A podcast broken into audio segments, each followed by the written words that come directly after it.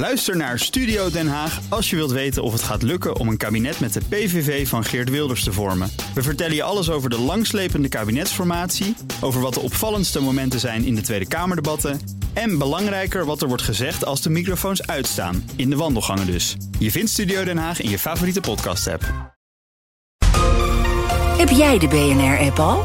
Met breaking news in de podcast De Koude Crypto-oorlog. Download de app en blijf scherp. BNR Nieuwsradio. De wereld. Bernard Hammelburg. Welkom bij het beste binnenlands programma over het buitenland. Straks, Iran is een van de belangrijkste leveranciers van drones aan Rusland. Ondertussen blijft het land doorgaan met het verrijken van uranium. Hoe moeten we omgaan met dat land? Mijn gast is Uri Rosenthal, oud-minister van Buitenlandse Zaken en voorzitter van het comité Vrij Iran. Maar nu eerst, de Italiaanse ex-premier en mediamagnaat Silvio Berlusconi is overleden. Gisteren was zijn staatsbegrafenis en een dag van nationale rouw. Ha ammiratori e detrattori, ha chi lo applauda e chi lo detesta. Silvio Berlusconi è stato un uomo, un desiderio di vita, un desiderio di amore, un desiderio di gioia. Ja, dat was de aartsbisschop van Milaan. Hij had fans en tegenstanders, mensen die voor hem juichten en hem haten. Berlusconi was een man met verlangen naar het leven, liefde en vreugde. Wat is zijn nalatenschap, zowel politiek als zakelijk? En hoe heeft hij de Italiaanse, of misschien zelfs wel de wereldwijde politiek veranderd? Mijn gast is Arthur Weststein, historicus gespecialiseerd in Italië en schrijver van het Italiaanse experiment. Een boek over de, laat, over de Italiaanse politiek onder Berlusconi en de jaren daarna. Welkom. Goedemiddag. Ja. Uh, een staatsbegrafenis en een dag van nationale rouw. Hoe was dat? Nou, dat is natuurlijk lekker over de top, zoals dat ook wel uh, past bij Berlusconi. Op zich is een staatsbegrafenis niet heel bijzonder, want dat is volgens de wet verplicht. Elke uh, staatsman die overleden is in Italië verdient zo'n begrafenis. Maar zo'n dag van nationale rouw, dat is wel uitzonderlijk. Het was natuurlijk een groot spektakel. De, de, uh, de stoet die uh, vanuit de villa met het lichaam van Berlusconi naar de Dom van Milaan reed, werd op twintig zenders live uitgezonden. Zo. En bij aankomst op het grote plein, het Piazza Duomo in Milaan, stonden er vooral heel veel voetbalsupporters van AC Milan, de club die natuurlijk ooit uh, van Berlusconi was. En die zongen allemaal van die stadionliederen zoals Chi non salta comunista è, dat wil zeggen wie niet springt is een communist. Ja. En uh, vervolgens in, in de dom zelf staat het helemaal vol met eigenlijk vooral mensen uit de mediawereld. Ook wel veel mensen uit de voetbalwereld, oud-coaches bijvoorbeeld, oud-voetbalspelers. En een paar politici, maar niet eens zo heel veel. En bijvoorbeeld wat heel erg opviel was dat de enige internationale afgevaardigde was Orbán, de premier van Hongarije. En, en, en, en, en, en Balkenende, toch? Um, die heb ik er niet tussen zien oh, wij dachten, nee, maar goed, dat wij, zou kunnen. wij dachten geval... dat hij erbij was, maar goed. Oh ja, het zou kunnen dat hij, dat hij daar tijd voor had. Ja. In ieder geval geeft het wel aan dat Berlusconi natuurlijk internationaal gezien niet echt heel veel uh, status geniet. En wat heel treffend was, dat fragment wat je net al liet horen van de aartsbisschop van Milaan, was eigenlijk een hele kritische speech. Met als uh, toonzetting, deze man was altijd op zoek naar uh, genot, naar liefde. Um, en hij moet nu het oordeel van Gods. Van, het, het oordeel Gods moet hij over zich heen laten komen. En dat oordeel zal waarschijnlijk niet al te positief uitvallen. Nee. Even, even dat die vraag. Je, je zegt twintig verschillende uh, radio- of televisiestations. Was, ja. was een groot deel van hem? Want dat ja, zeker. Ja. Want hij heeft maar hij, hij, waar is gewoon zijn eigen, zijn, eigen, uh, zijn eigen personeel dat hem kan filmen? Zeker, ja. ja. Hij, hij, heeft nog steeds de, de, de drie grootste uh, commerciële kanalen in Italië heeft hij in bezit. Maar ook de, de staatstelevisie, de RAI, deed, deed volop mee. En dat komt ook vooral omdat de RAI ook wel in Italië uh, heel erg politiek gekleurd is. En natuurlijk de huidige politieke uh, machthebbers die zijn allemaal gelieerd aan Berlusconi. Want Berlusconi is een van de drie coalitiepartijen. In, even, we gaan even naar oordelen. En ik zeg het er maar meteen bij. Ook vooroordelen, want die zal ik ongetwijfeld hebben. Maar mijn indruk was dat voor het politieke debuut van Berlusconi Italië vooral bekend stond om zijn Italiaanse toestanden. Dus je had de indruk dat er elke week een nieuw kabinet was. En toen was je plotseling Berlusconi en toen was er rust en orde en regelmaat. Klopt dat? Nee, dat, dat, dat viel tegen. Eigenlijk de eerste regering Berlusconi is ook al direct na uh, een klein jaartje gevallen. Dus Berlusconi bracht allerminst rust. En pas later, toen hij voor de tweede keer premier werd, dat is, dat is in, uh, zeven jaar later, in 2001, toen heeft hij wel als eerste en ook vooralsnog als enige Italiaanse premier um, een hele regeringsperiode uitgezeten. Dus pas na geruime tijd bracht hij tot op zekere hoogte rust.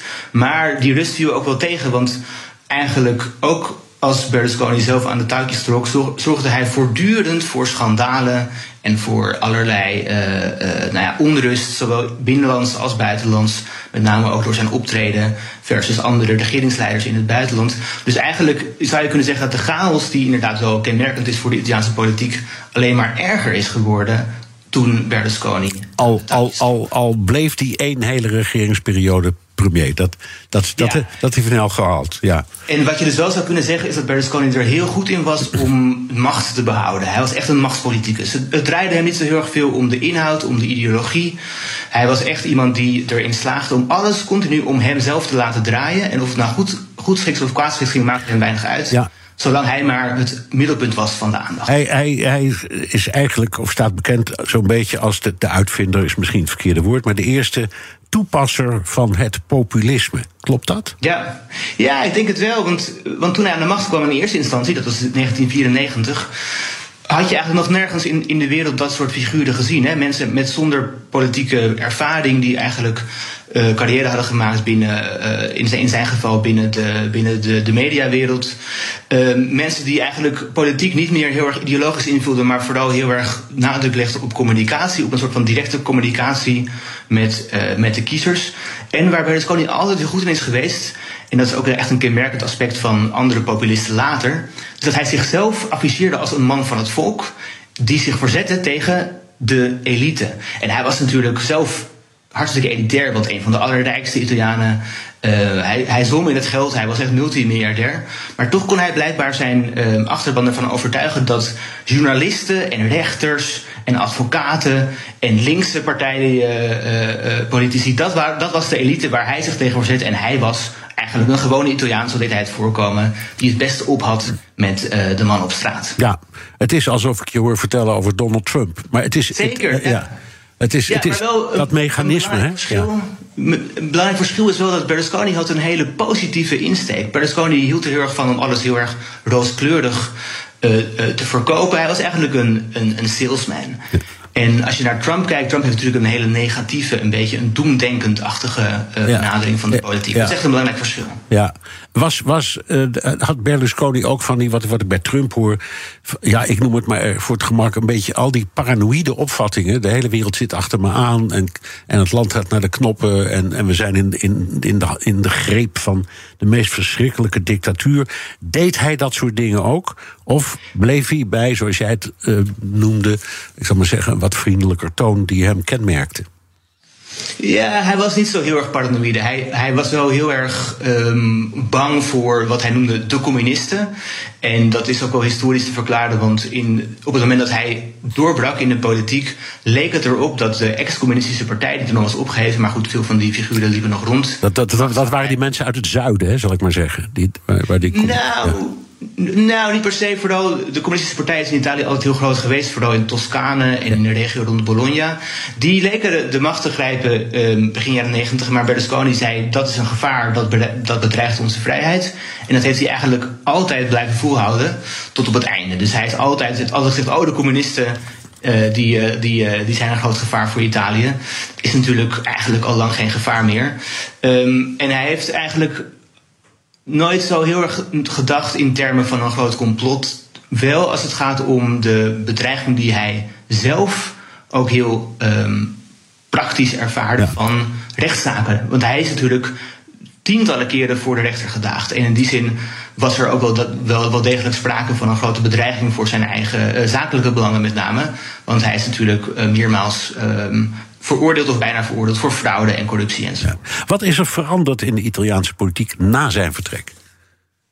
Nou, hij is natuurlijk eigenlijk al sinds 2011, dus dat is al twaalf jaar geleden, niet meer de, de grote machthebber. Toen viel hij eigenlijk in zijn eigen zwaard vanwege die uh, Boonga Boonga feestjes destijds. En wat er sindsdien veranderd is, zou je kunnen zeggen, is dat keer op keer andere politici proberen om in zijn voetsporen te treden. In, inclusief de huidige premier Giorgia Meloni? Inclusief de heilige premier Giorgia Meloni en ook inclusief linkse politici. Bijvoorbeeld Matteo Renzi, een politicus uit de, uit de, de socialistische hoek. Die heeft eigenlijk geprobeerd om zijn stijl van politiek, hè, die Berlusconi-achtige stijl van alles om jezelf uit te draaien, om die over te nemen. En wat je zou kunnen zeggen, dat, dat wordt steeds geprobeerd door verschillende figuren, maar niemand kan dat zo goed als Berlusconi zelf. Berlusconi was echt de meester van het vak. En al zijn leerlingen die steken daar toch een beetje schraal bij af. Ja, en, maar toen keek de wereld, laten we zeggen, met opgeheven wenkbrauwen een beetje naar deze wonderlijke manier. Uh, maar uh, Meloni die heeft het een stuk beter voor elkaar. Hoewel ze politiek op hem lijkt. Hè. Ze, ze, ze lijkt Mark Rutte's nieuwe Europese maatje. Ja, dat is inderdaad wel opvallend. En dat komt denk ik vooral omdat Meloni veel professioneler en veel serieuzer is dan Berlusconi. Meloni is echt een, een partijpoliticus, een carrièrepolitica. Uh, Berlusconi was natuurlijk eigenlijk een zakenman die het vooral heel erg leuk vond om grappen te vertellen, om grote feestjes te organiseren, uitgebreide diners aan te richten enzovoort. Meloni is een ideologe die wil uh, Italië beter maken in, in, haar uh, variant van wat beter betekent. En dat in, impliceert dat zij um, eigenlijk veel meer gericht is op echt dingen bereiken. Ook binnen Europees verband, met name op het heikele punt van migratie, wat natuurlijk in Italië een heel uh, nou ja, uh, nijpend probleem is. Ja. Dus dat verklaart ook dat zij bijvoorbeeld nu met, met, met, met Rutte best wel ja, goede uh, verstandhouding lijkt te hebben. Terwijl Berlusconi natuurlijk in zijn regeerperiodes eigenlijk continu werd uitgelachen door de andere regeringsleiders ja. in Europa. Maar kun je toch zeggen dat Berlusconi de Italiaanse positie in Europa heeft veranderd.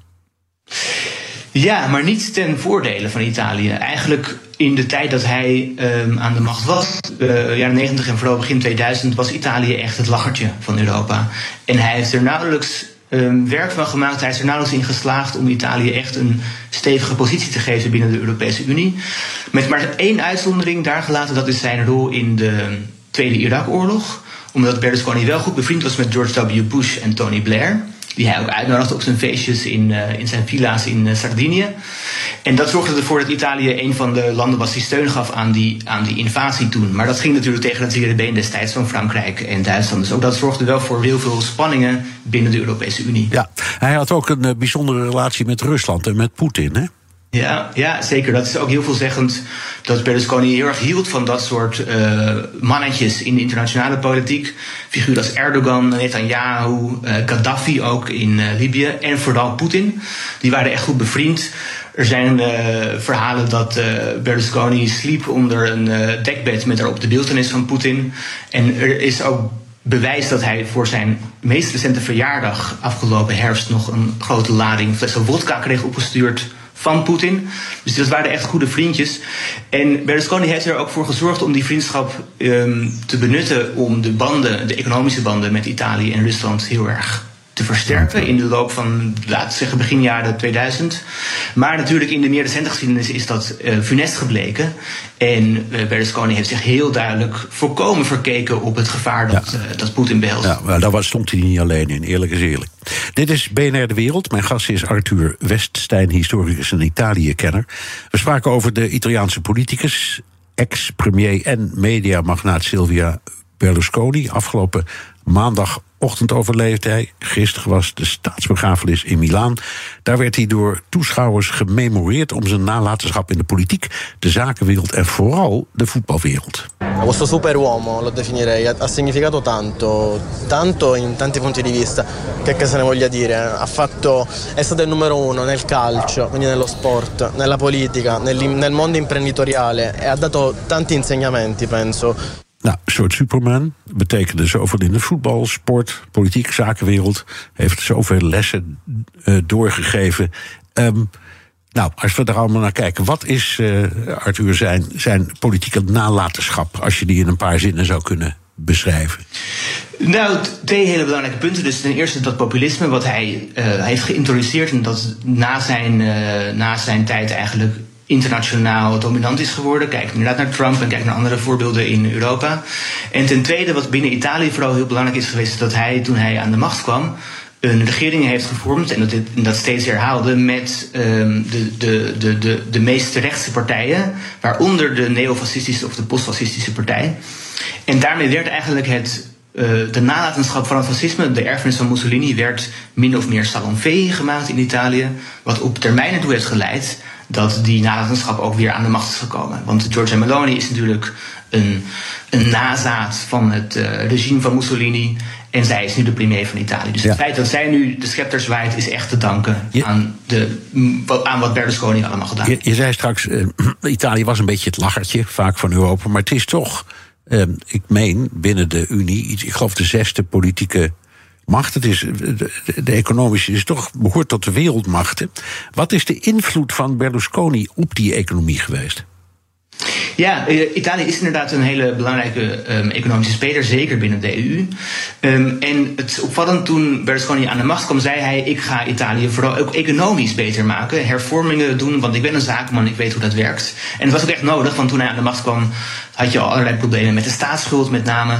Um, en hij heeft uh, gezegd: Ik ga dat oplossen. Maar als we nu de rekening opmaken van zijn uh, regime, dan kun je zeggen: hij heeft helemaal niks opgelost. Hij heeft eigenlijk alle hervormingen die hadden moeten worden doorgevoerd, heeft hij niet opgepikt. Hij heeft helemaal niks gedaan. En daardoor is er eigenlijk in zijn uh, regeringstijd vooral sprake geweest van economische stagnatie. Dus economisch gezien heeft uh, Berlusconi er simpelweg een potje van gemaakt. Ja, even kijken vanuit de ogen van de Italiaan in de publieke opinie. Ja, wordt, wordt ook nu weer behoorlijk mild over hem gesproken. Ondanks al die schandalen die, die als een rode draad door zijn leiderschap liep. Was hij ook een beetje, uh, als ik het zo mag zeggen, de clown waar het volk ook wel lol over had? Ja, zeker. Dat verklaart denk ik een heel groot deel van zijn aantrekkingskracht. Hij zorgde ervoor dat het nooit saai was. Dat altijd uh, er iets was te beleven in de politiek. Um, heel veel van zijn tegenstanders waren toch van die een beetje ja, suffige uh, carrièrepolitici. Hij was echt een, een man die, er, die ervoor zorgde dat er altijd entertainment plaatsvond. Dus dat, dat, dat werd door veel mensen toch wel gewaardeerd. Um, en hij was dus ook wel echt heel goed in het, je zou kunnen zeggen, het, het spreken met de normale man. Uh, hij, hij kon als geen ander heel direct contact bouwen met, met mensen met wie hij uh, te maken had. Met zowel uh, mensen binnen zijn bedrijf, maar ook zeker met, met mensen gewoon onder het volk. Dus hij was echt heel goed om via tv, maar ook wel bij grote demonstraties bijvoorbeeld, om mensen aan zich te binden. En um, dat verklaart echt een heel groot deel van zijn aantrekkingskracht. En ook wel waardoor hij nu ja, over de doden niks aan goeds. Heel veel mensen bedekken toch zijn uh, uitspattingen enigszins met de, de mantel der vergetelheid en de mantel der liefde. En hoe gaan de Italianen zich Berlusconi herinneren? Nou, ik denk als de belangrijkste politicus van Italië sinds de Tweede Wereldoorlog. Hij heeft zo'n grote stempel gedrukt op de politiek, maar ook, ook de cultuur van Italië met die controle die hij had over de, over de media, over de tv met name. Hij was zo zichtbaar, decennia lang, ook al als hij niet aan de macht was, was hij zo'n centrale figuur in dat hele medialandschap. Dat ja, hij zou echt een centrale plaats in gaan nemen in die, uh, in die geschiedenisboekjes. Maar het oordeel zou wel zijn dat hij eigenlijk niks heeft gedaan ten gunste van Italië. Alleen maar dingen ten gunste van zichzelf. Ja. Dat is toch een oordeel dat niet al te positief uit. Ja, ja, ja, ik denk de man van de decadente feesten. Um, en ik moet dan steeds denken, misschien was het wel een hele verre opvolger van die andere megalomane narcist, Julius Caesar. Want het leek heel erg op wat Caesar deed, hè, met die die extra, extravagante feesten en die zelfverheerlijking en het volk dat daar maar naar opkeek. Ja, in die zin heeft Italië natuurlijk een hele mooie traditie van dat soort leiders. Uh, in de oudheid zijn er genoeg voorbeelden. Caesar of keizer Nero um, is ook een mooi voorbeeld. Ja, Nero is misschien nog een leukere. Ja. Um, en ook, uh, ook alle, alle pausen die in de renaissance uh, een groot deel van Italië bestuurden... die konden zich ook verliezen in uitgebreide schandspartijen. Hetzelfde geldt voor Mussolini, die constant achter de vrouwen aanzat. Dus in die zin is Berlusconi vanuit een Italiaanse traditie best wel een passende figuur. Ja, dan nog één ding. Hij was de eigenaar van een mega-imperium, een media-imperium... Wat gebeurt ermee? Wie krijgt het in handen? Nou, dat wordt heel spannend. Want hij heeft, inderdaad, hij heeft een, een, een gigantisch uh, bedrijf opgebouwd... wat ongeveer 6 miljard euro waard is. Um, de holding die dat allemaal bestuurt heet Fininvest. Die wordt a, uh, aangestuurd door zijn oudste dochter, Marina. Maar um, de vraag is heel erg... wat staat er in het testament van Berlusconi? Want krijgen zijn kinderen het of krijgt misschien zijn laatste vriendin het? Die, ze zijn, uh, hij is niet getrouwd met die vriendin. Die vriendin is overigens 32. Hij was zelf eind 80, geeft ook al aan nou ja, op wat voor soort vrouwen hij viel.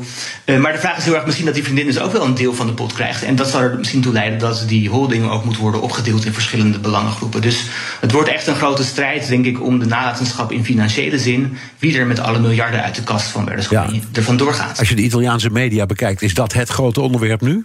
Wie krijgt de centen? Nou, dat valt nog wel mee. Het is toch een beetje, iedereen is toch een beetje aan het bekomen van het spektakel van gisteren van de, van de begrafenis. Maar als er informatie gaat uitleken komende dagen over wat er in dat testament staat, dan kun je ervan uitgaan dat het een hele lange soap wordt die in detail zal worden uitgemolken in alle Italiaanse media. Ja. Um, nou ja, het, het, het, is, is het een beetje de man die, zo, die gebleken is te zijn wat jij in jouw boek hebt beschreven? Ja, ja, in het boek het gaat heel erg over dat Italië vaak voorloopt in politieke ontwikkelingen. En Berlusconi als eerste populist is daar een heel goed voorbeeld van. Dus um, ja, het is ook een, een heel duidelijk iemand die uiteindelijk ten onder is gegaan aan zijn eigen zwaktes. En dat is ook wel heel kenmerkend, denk ik, voor dat soort figuren die alles om zichzelf laten draaien.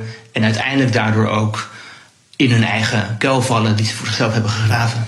Dank, Arthur Weststein, historicus, gespecialiseerd in Italië en schrijver van Het Italiaanse Experiment, een boek over de Italiaanse politiek onder Berlusconi. Ook Thomas van Zeil vind je in de BNR-app. Je kunt live naar mij luisteren in Zaken doen. De BNR-app met breaking news, het laatste zakelijke nieuws... en je vindt er alle BNR-podcasts, bijvoorbeeld Het Nieuwe Geld. Download nu de gratis BNR-app en blijf scherp. Blijf scherp.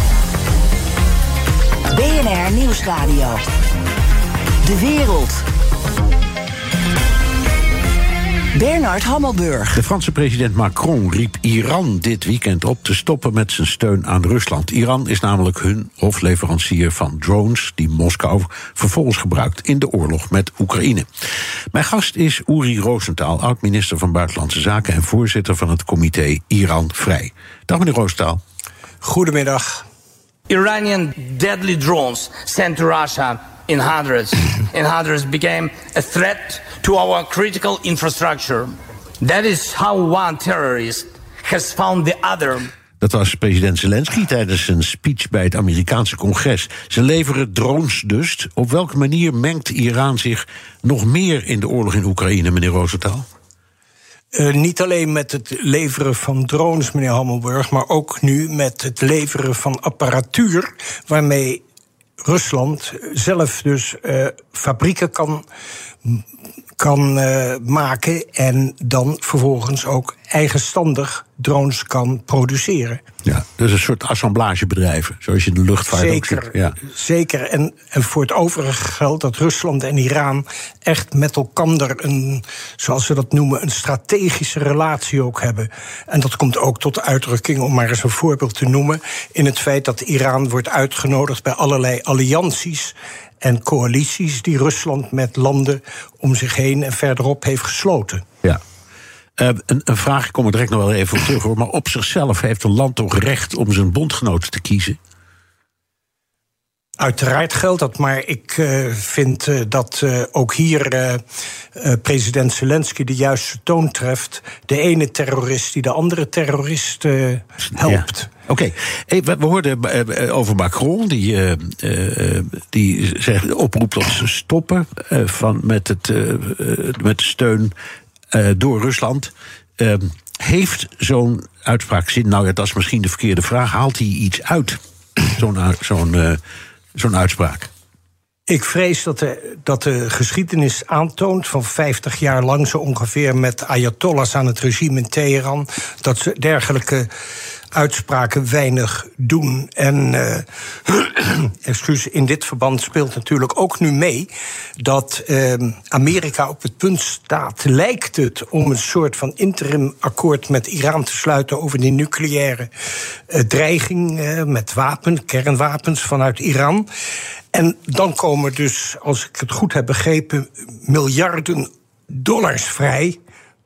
En die gaan dan ondanks wat er dan ongetwijfeld aan voorwaarden wordt verbonden, ongetwijfeld in de zakken van de revolutionaire garde, die dus wapens uh, produceert en ook wapens gebruikt. In het, niet alleen in de richting van uh, Oekraïne, maar ook uh, in de richting van allerlei andere landen in de regio. Ja, we komen straks nog wel even over terug, want het is een interessante ontwikkeling natuurlijk. Want het lijkt erop dat de Amerikanen dus een akkoord willen sluiten dat niet helemaal een volledig akkoord is, maar een soort van uh, afspraak die zou kunnen leiden tot een akkoord. Waardoor ze nu al wat van de sancties zouden kunnen opheffen. Snap ik het zo goed? Zo snapt u het heel erg goed. En sterker nog, onderwijl is het ook zo dat bijvoorbeeld uh, Amerika erin heeft ingestemd dat Irak een aantal schulden die het aan Iran heeft vanwege olie- en gasleveranties, die schulden nu inlost. En dat gaat ook weer om een bedrag van bijna 3 miljard uh, dollars. Ja, en dan worden daar wel voorwaarden aan verbonden door Amerika. Namelijk dat die tegoeden dan niet mogen worden gebruikt voor allerlei snode toestanden. Maar uh, wie gelooft dat Iran zich aan dat soort afspraken houdt, is erg naïef. Ja, ja hoewel je hoort ook wel heel veel Iraniërs, jonge Iraniërs, meestal met een goede opleiding, klagen over de, de erbarmelijke uh, uh, situatie, economische situatie. Dus wie weet, dat, het kan best kunnen dat Iran ook gewoon wat in, in, in zijn eigen samenleving stopt, toch? Dat, dat, dat is niet helemaal Dat zou kunnen, maar ja. dan, dan dan is er sprake van een enorme wijziging van koers.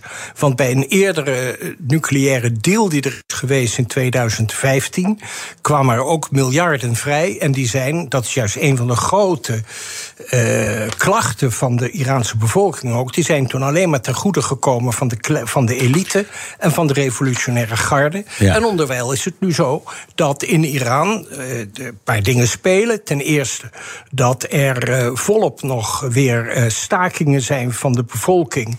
Uh, omdat men uh, niet zoals bij ons dan 10% loonsverhoging eist, maar simpelweg nu al bijna een half jaar vaak geen loon heeft uitbetaald gekregen. Nee. Inflatie van 50% enzovoort. Ja, enzovoort. nu u dat zo zegt, die. die uh, de klacht toen uh, bij dat, en die, die enorme hoeveelheid geld die er toen vrijkwam bij dat akkoord. De, de klacht van, volgens mij, van het volk was toen jullie, de Ayatollahs, gebruiken dat niet voor ons, maar om een oorlog in Syrië te financieren en dat soort avonturen. Waar zijn wij in dit verhaal? He, dat was een beetje wat ik me ervan dat, herinner.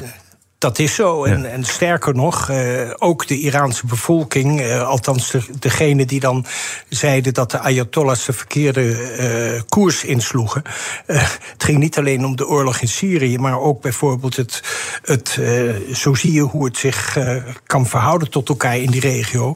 Dat ook de Ayatollahs uh, te veel uh, zich meer zorgen maakten over bijvoorbeeld de Palestijnse kwestie dan over uh, wat ja. er zich in het eigen land afspeelde. Ja, ja, ja. ja, en natuurlijk en steun aan Hezbollah, maar dat past weer in datzelfde verhaal. Precies. Ja, dat is een, trouwens een Sjiitische organisatie, snap we ook.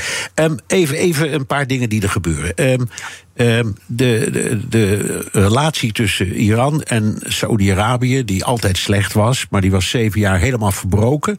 En die is nu in zoverre hersteld dat ze weer ambassades openen na, na Chinese bemiddeling, wat ook wel heel opmerkelijk is. Kun je nou zeggen dat die relatie uh, uh, beter wordt? En als dat zo is, is dat uiteindelijk in ons of in het westerse belang? Ik zou bijna zeggen, op die tweede vraag van u uh, hoef ik niet in te gaan. Want de eerste vraag is, uh, is uh, bepalend. En dat is, wat betekent deze, dit herstel van diplomatieke betrekkingen tussen Saoedi-Arabië en Iran? En als ik het hoor vanuit mijn contacten, bijvoorbeeld in de Golf, dan is de mededeling: het zijn aardsvijanden en dat neemt eerder toe dan af in de komende tijden. En daarbij geldt dus ook dat bijvoorbeeld die golfstaten die dus uh, dit allemaal zien gebeuren, hoogelijk verontrust zijn over het feit dat er dus die zogeheten toenadering tussen Saoedi-Arabië en Iran uh, aan de gang is. Ja, die vijandschap is, is overigens. Voor zover ik begrijp, altijd voornamelijk van, van religieuze aard. Hè. Het is de, de, de, de bron van de Sjiitische eh, vorm van islam is Iran en eh, van de Soenitische is Saudi-Arabië. En die groepen die haten elkaar. Dus dat speelt altijd een enorme rol. Dat, dat is zeker zo, maar tegelijkertijd gaat dat dan gepaard met simpelweg de vraag wie heeft de heerschappij uiteindelijk over een groot gebied. En zoals het nu is, is Saoedi-Arabië toch in de golf echt nummer één. En de andere staten, zoals eh, de Verenigde Arabische Emiraten, eh, dat is echt. Eh, een afgeleide van de macht van uh, Saoedi-Arabië. En aan Iraanse zijde geldt het eigenlijk ook hetzelfde. Daar is dus de greep van Iran op Syrië en ook op andere uh, landen, bijvoorbeeld Libanon. U had het er al over, Hezbollah is ook enorm. Dus het is gewoon een clash tussen twee mag ik het zo noemen, grootmachten in dat hele grote gebied. Ja, kun je zeggen dat um, Iran met Syrië en misschien een deel van uh, Libanon en misschien ook met de Shiiten in Irak een soort van aslanden aan het worden zijn.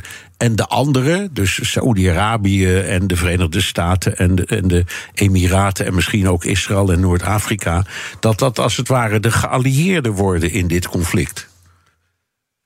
Dat zou wel, dat zou wel eens kunnen gebeuren. Uh, maar dan verbreed ik het voor wat betreft de positie van Iran internationaal naar de waar we het al over hadden, de strategische relatie met Rusland. En het feit dat Iran ook uh, voortdurend uh, hele goede lijnen trekt in de richting van die andere hele grote grootmacht, China. Dus dan krijg je in feite een soort van. En natuurlijk ook dan nog daarbij uh, een land als Noord-Korea. Dus als u het dan over assen heeft, die alliantie aan de wester, tussen aanhalingstekens westerse kant is duidelijk. Uh, tegelijkertijd aan die andere kant, die as, uh, is dan China, Rusland, Iran ook. Ja. En, en, dat uh, geeft alleen maar aan hoe, uh, hoe die. Uh, zeg maar, men noemt het vaak proxies. Zo'n land als Iran. Een proxy van China, een proxy zeker ook van, van Rusland. Maar Iran is meer dan dat. Het heeft gewoon zoveel macht weten te ontplooien via zijn revolutionaire garde ook. Dat het een een factor en een speler van grote betekenis in die hele regio en daarbuiten is. Ja, ik, ik, ik las net dat, uh, dat Iran ook de relatie met Egypte uh, heeft verbeterd of hersteld. Die was eigenlijk heel slecht altijd. Heel korte tijd was die goed, want er was een uh, Iraanse uh, prinses, ik geloof in 1945, getrouwd met een Egyptische prins of andersom. Maar daarna is het altijd misgegaan en dat wordt nu ook hersteld. Wat, moeten we dat serieus nemen en, en wat betekent? Want Egypte is natuurlijk een heel machtig land in de regio. Egypte is, is heel machtig. Eigenlijk, uh, als je aan die kant gaat kijken, zeg maar aan de Afrikaanse kant, dan is het, en de Aziatische kant, dan is het eigenlijk uh, Egypte wat meer naar het noorden, de Middellandse Zee ook. Europa ook. En Saoedi-Arabië echt diep in die golf. En beide zijn natuurlijk toch uiteindelijk Soenitische landen. En uh, die, uh, ja, dat, dat geeft dus aan dat er wel beweging in zit, ook in de relatie naar Iran. Maar ik kan mij voorstellen, zonder er al te stellige uitspraken over te durven doen, dat het met Egypte en Iran niet anders zal zijn uiteindelijk eh, dan tussen Iran en Saoedi-Arabië, waar zulke toenaderingen weliswaar plaats hebben, maar de bittere tegenstellingen toch uh, overheersen en ja. zullen blijven overheersen. Ja, in, de, in de tijd van de Shah waren er goede relaties met Israël. Je kon zelfs rechtstreeks van Teheran naar Tel Aviv vliegen. Dat heb ik wel eens gedaan. Um, ja. Uh, hoe komt het dat. Want in feite, Israël heeft met dat hele verhaal niet zoveel te maken. Ja, je kunt zeggen de Palestijnse kwestie. Maar op zichzelf hebben ze er niet zoveel mee te maken. Waarom is dat uitgeroepen tot aardsvijand door de Iraniërs? Uh, ik denk, uh, dat ben ik mij ook steeds meer bewust nu ik met dat comité Iran Vrij aan de gang ben. ik merk gewoon hoe wij onderschatten de manier waarop de Ayatollahs uh, hun macht uitoefenen. En dat is echt vanuit, daar hebben ze ook een bepaalde Iraanse uitspraak, Iraanse uh, slogan voor. Dat is echt dat, dat de Ayatollah, de opperste leider, als het ware de vertegen, een, een beetje een soort van paus is in de moslimwereld. Hij is de vertegenwoordiger van Allah op aarde. En dat doordesemt alles. En dat brengt dus met zich mee dat voor Iran dat soort zaken ook volledig uh, centraal staan en alles naar die maat wordt gemeten. Ja, en dan, dan ben je gauw klaar, denk ik. Ja, en als zo'n als die Ayatollahs dan elke week roepen dood aan Amerika en dood aan Israël, ja, dan, dan, gaat, dan, denkt, dan het, denkt, denkt, het volk dat niet op een bepaald moment, ja zeg, je roept maar wat. Je, oh, het, het, het volk denkt dat. Ja. Uh, het is. Uh, bekend ook echt wel dat onder de Iraanse bevolking, geloof ik niet, er grote bewondering bestaat voor de grote Satan, dat is uh, Amerika. en ook voor de kleine Satan, Israël, ja. met zijn technologische verworvenheden en wat iets meer zei. En uh, die Ayatollahs die uh, vechten dus daartegen. Dat is ook die hele symboliek en de retoriek die bij die, zeg maar, die Shiïtische dominantie past. Ja, dit is BNR De Wereld. Mijn gast is Uri Rosenthal, oud-minister van Buitenlandse Zaken. The Iran deal is defective at its core. If we do nothing, we know exactly what will happen. In just a short period of time, the world's leading state sponsor of terror will be on the cusp of acquiring the world's most dangerous weapons. Therefore, I am announcing today that the United States will withdraw from the Iran nuclear deal. Ja, dat was een beroemd momentje uit de periode Trump toen hij de door uh, zijn voorganger Obama uitonderhandelde uh, uh, nucleaire deal opzegde vanuit de Amerikaanse kant. En nu, we hadden het al eerder, u noemde het zelf ook al, zijn de berichten dat, dat Amerika via een soort achterdeurtje toch iets van die deal wil herstellen. Hoe moeten we dat voor ons zien? En als je bijvoorbeeld kijkt naar de positie van Iran als olieleverancier, dat is niet onbelangrijk. Hoe belangrijk is dit? Als ik het goed heb begrepen, is het nog altijd in een staat, dus in de staat van wording.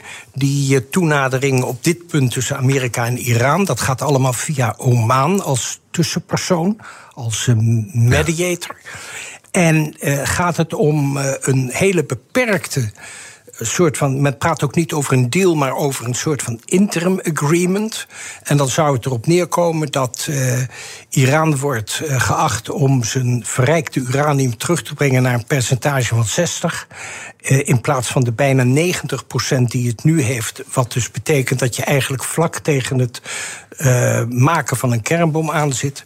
En daartegenover zou er dus staan verlichting van de sancties en ook het vrijgeven van tegoeden aan. Uh, uh, in de richting van Iran. En het is uh, voor mijn comité Iran Vrij is het zo dat wij ons los van wat je van zo'n deal zou kunnen denken met zo'n onbetrouwbare partij als Iran, is het vooral de grote zorg over waar het nu om gaat, als ik het allemaal bij elkaar optel, zo'n kleine 20 miljard dollar, die dan in de handen, in de zakken terecht zouden komen van de beruchte revolutionaire garde. Ja, ja. Laat, laten we daar even over uh, op ingaan, uh, meneer Roostaal. Uh, uw comité. we hebben er al een keer eerder over gesproken, maar hoe staat het ermee? Wat is nu precies de doelstelling? Wie zijn de mensen met wie u daaraan werkt? Vertel. Het uh, comité bestaat uit uh, zo om en nabij de tien leden. Uh, waarbij een aantal oud-bewindspersonen en, en, wat, en, ook wat, en ook een aantal bijvoorbeeld Iraanse Nederlanders. ik noem Maxime Verhagen, Barbara Visser. ook kamer, oud-Kamerleden, Angelien IJzink, Gerrit Valk. En dan bijvoorbeeld uit de Iraans gelederen Afshan Elian en een, Jasmin Fataye. En die die club die probeert om uh, een aantal concrete zaken verder te helpen in de richting van uh, hoe het uh, in Iran in een na-Ayatollah tijd zou moeten gaan. En die concrete punten, daar is één punt echt heel hard. En dat is dat op dit ogenblik de situatie zo is dat Nederland ook zelf dat geldt voor Wopke Hoekstra, dat geldt voor de meerderheid, ver grote meerderheid van de Tweede Kamer, vinden dat die revolutionaire garde van Iran op de lijst moet worden gezet van terroristische organisaties. Uh, uh, uh, en dat moet dan gebeuren in Brussel. En het probleem zit erin dat de hoge vertegenwoordiger voor het buitenlandse politiek, Josep Borrell, dat om onnavolgbare redenen tegenhoudt. Die zegt eh, dat kan niet en dat moet nu niet. Nou, dat is dus een heel concreet punt. Wij vinden dat die uh, revolutionaire garde op de lijst van terroristische organisaties moet komen. E-, even voor de uh, duidelijkheid: die, ja. die, revolutionaire garde is eigenlijk is een eliteleger. Dat is bij wijze van spreken het privéleger van de Ayatollahs. Het zit financieel in zo ongeveer elk aspect van de, van de van, van wat er op nou. de begroting staat. Dus een hele machtige organisatie. Waarom zijn het terroristen? Uh, omdat zij uh, een geschiedenis hebben van terreur in bijna de hele wereld. Tot in Latijns-Amerika toe. Ja, Argentinië. En ook, ja, en ook ja, Argentinië en in Bulgarije en in Griekenland en in Duitsland. En een tijdje terug was het zo dat een Iraanse diplomaat uh, is gepakt met zware explosieven in zijn koffertje. Die is toen uh, uiteindelijk in België veroordeeld tot uh, tientallen jaren gevangenisstraf. En die is dus nu ook zo'n leuke lood aan de stam van de Iraanse diplomatie. Is dus vervolgens vrijgekomen in een ruil tussen België en, en Iran een terrorist geruild voor een. Uh, uh, NGO-medewerker van België en nog twee Oostenrijkers. Kortom, dat is de manier waarop Iran met de zaken in de internationale diplomatie ook omspringt. Ja. Wij noemen dat gijzelingsdiplomatie. Ja, Oké. Okay. Uh, u zegt, uh, de, de, de, u hebt eigenlijk de Nederlandse politiek mee.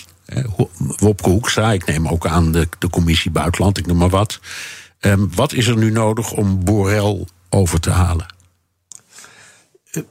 Dit is een onderwerp geweest, uh, meneer Hammelburg, dat, uh, ik zou bijna zeggen, vers van de, van de pers, dus aanhalingstekens, net ook speelde in een uh, gesprek dat wij hadden als comité met de Commissie Buitenlandse Zaken van de Tweede Kamer.